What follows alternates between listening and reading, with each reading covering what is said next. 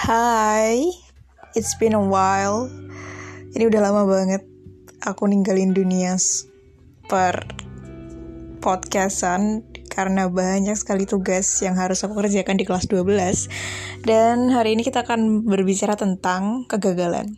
Ya, aku kelas 12 dan aku mau naik ke satu tingkat pendidikan. Ya, seperti yang kalian tahu mau kuliah.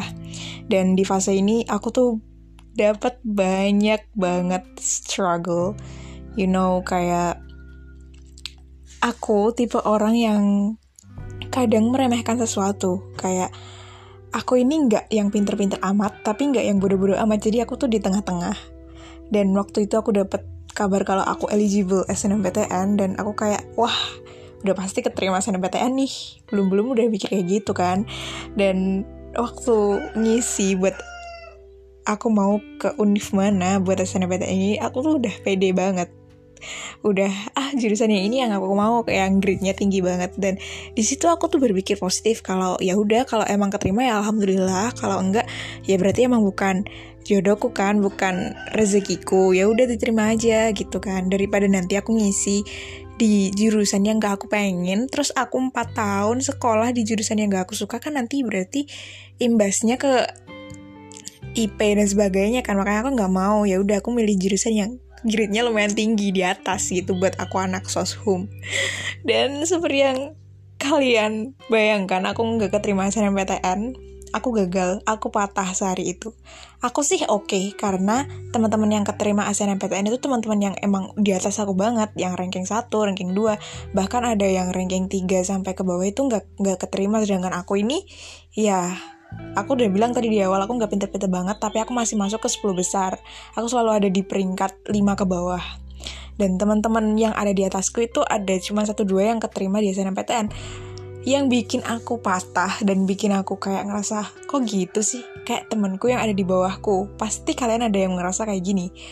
Temanku yang di bawahku kok keterima SNMPTN sedangkan aku enggak. Dan itu tuh jurusan yang tinggi, lumayan tinggi di univ yang lumayan bagus dan ternyata mereka tuh mainin trik ketika mereka milih di univ yang bagus, mereka milih peminatnya yang sedikit. Ketika mereka di milih di univ yang biasa, mereka milih di jurusan yang bagus gitu loh dan aku salah, salah strategi gitu loh dan mungkin emang di waktu itu aku disalahin strateginya sama Allah karena emang rezekiku bukan di situ. Mungkin Allah mau lihat aku usahanya seberapa kayak gitu. Dan Kedua, jalur kedua itu ada yang namanya Span Petekin. Span Petekin ini jalur yang mirip sama SNMPTN tapi di UIN, di universitas yang di bawah Kementerian Agama.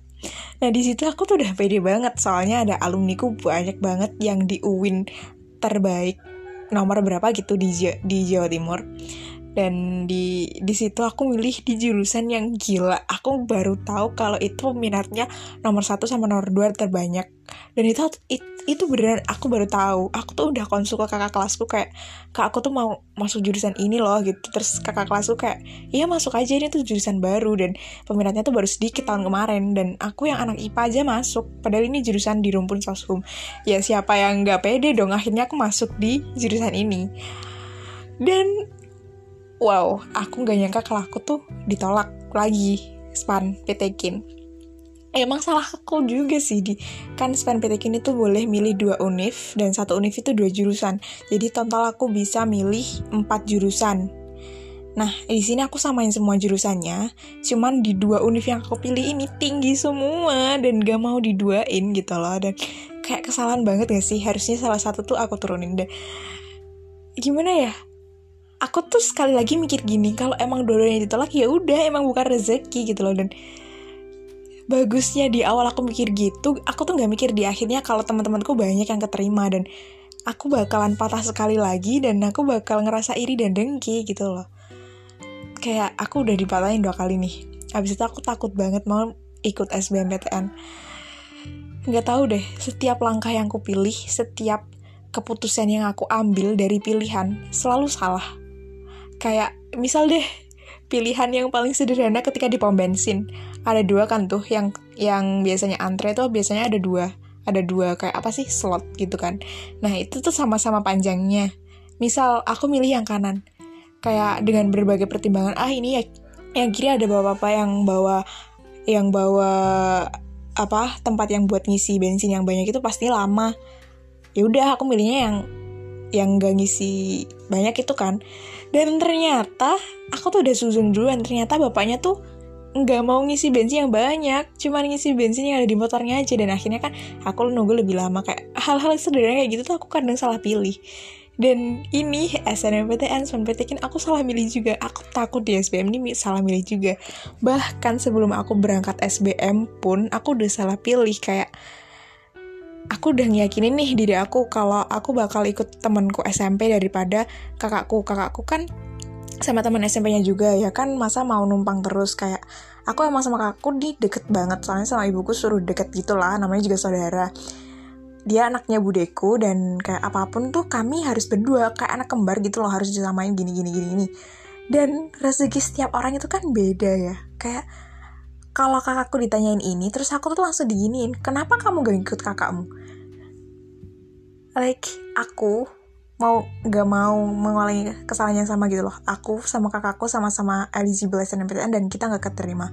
Kita milih hal kita milih yang sama univ yang sama. Terus di Span PTKIN kita milih univ yang sama dan milih jurusan yang sama. Dan itu semua semata-mata biar sama biar jadi satu biar orang tua kami tuh tenang. Tapi lihat kita tidak ada yang terima kan? Dan sekarang di SBMPTN aku mencoba kayak yakin ke aku sendiri gitu loh. Jurusannya emang ada satu yang sama tapi itu di jurusan yang nomor dua sih. Kita bedain semua kayak kita nggak tahu kan rezeki kita di mana mungkin kita emang ditakdirin buat pisah. Jadi ya aku sama dia bikin kesepakatan gitu ya udah nggak usah disamain nggak apa-apa. Dan aku ngerasa salah langkah dong kayak aku kan ikut temanku SMP dan ternyata temanku SMP ini di pusat UTBK-nya tuh satu minggu lama banget kan. Kayak kita tuh butuh duit buat hidup satu minggu tuh nggak sedikit. Dan di situ aku udah ngerasa salah banget ke orang tua aku ke ibuku. Kayak aku berusaha banget buat ngirit duit. Selama satu minggu itu ya emang orang tua ngasih saku yang banyak sih. Cuman kan gak mungkin mau gue abisin mau aku abisin eh, sorry sorry aku aku kadang switch ke bahasa yang gak terlalu bagus sorry banget. Nah aku udah berusaha menghemat satu minggu itu dengan habis duit. Ya nggak seberapa kayak total aku habisnya tuh sama kayak teman-temanku yang di pusat kan cuma dua hari tiga hari. Bayangin betapa hebatnya aku yang cuma yang satu minggu dan temanku yang cuma dua hari tiga hari. Kita ngabisin nominal duit yang sama dan di situ aku pulang masih dibandingin dong sama orang tua aku kayak kamu lihat anaknya bapak ini mereka tuh kaya banget. Dan anaknya cuma dikasih duit 200 ribu buat pergi ke pusat UTBK-nya dan kamu udah ibu kasih duit banyak banget. Kamu boros banget. Kayak like mom aku di situ tuh tujuh hari. Aku di situ tuh ya emang salah aku sih. Karena aku nggak mempertimbangkan dulu kalau temanku ke sananya ke sananya tuh satu minggu. Emang aku yang salah. Cuman bisa nggak sih? Ya aku ngerti aku salah. Bisa gak sih? Nggak usah dibandingin dulu.